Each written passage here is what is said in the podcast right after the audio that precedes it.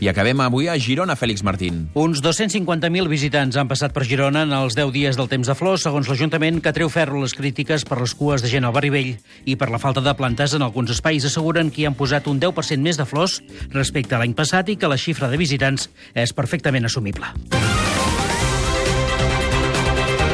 Després de les notícies pròximes, quan faltin 20 minuts per arribar a les 3, serà el moment de l'actualitat esportiva. Robert Prat, bon dia. Bon dia. Hem estat tot el matí pendent d'Ernesto Valverde, entrenador de l'Atlètic Club de Bilbao. Ha anunciat oficialment la seva marxa de l'equip basc. Ara de seguida ho expliquem, però fa una estoneta el Tribunal Suprem ha confirmat la condemna de 21 mesos de presó a Leo Messi per frau fiscal i una multa de 2 milions d'euros. Desestima el recurs del jugador del Barça, tot i que Messi no ingressarà a la presó. També considera cooperador necessari el seu pare, però li redueix la pena a 15 mesos per haver tornat els diners defraudats del seu fill. Com deies, Valverde s'acomiada com a tècnic de l'Atlètic Club. Diu que no ha parlat amb ningú i que, tot i que hi ha alguns clubs que estan interessats a fitxar-lo, no s'ha compromès en cap club. Piatti continua a l'Espanyol fins al juny del 2020, el València cobrarà un milió i mig d'euros i Juan Carlos Navarro continua de baixa i no podrà jugar demà al partit de quarts de final contra el València. Per cert, el tècnic del Barça, Barzocas, lamenta que altres equips com Unicaja i Bascone hagin fitxat i el Barça no. Primeres queixes de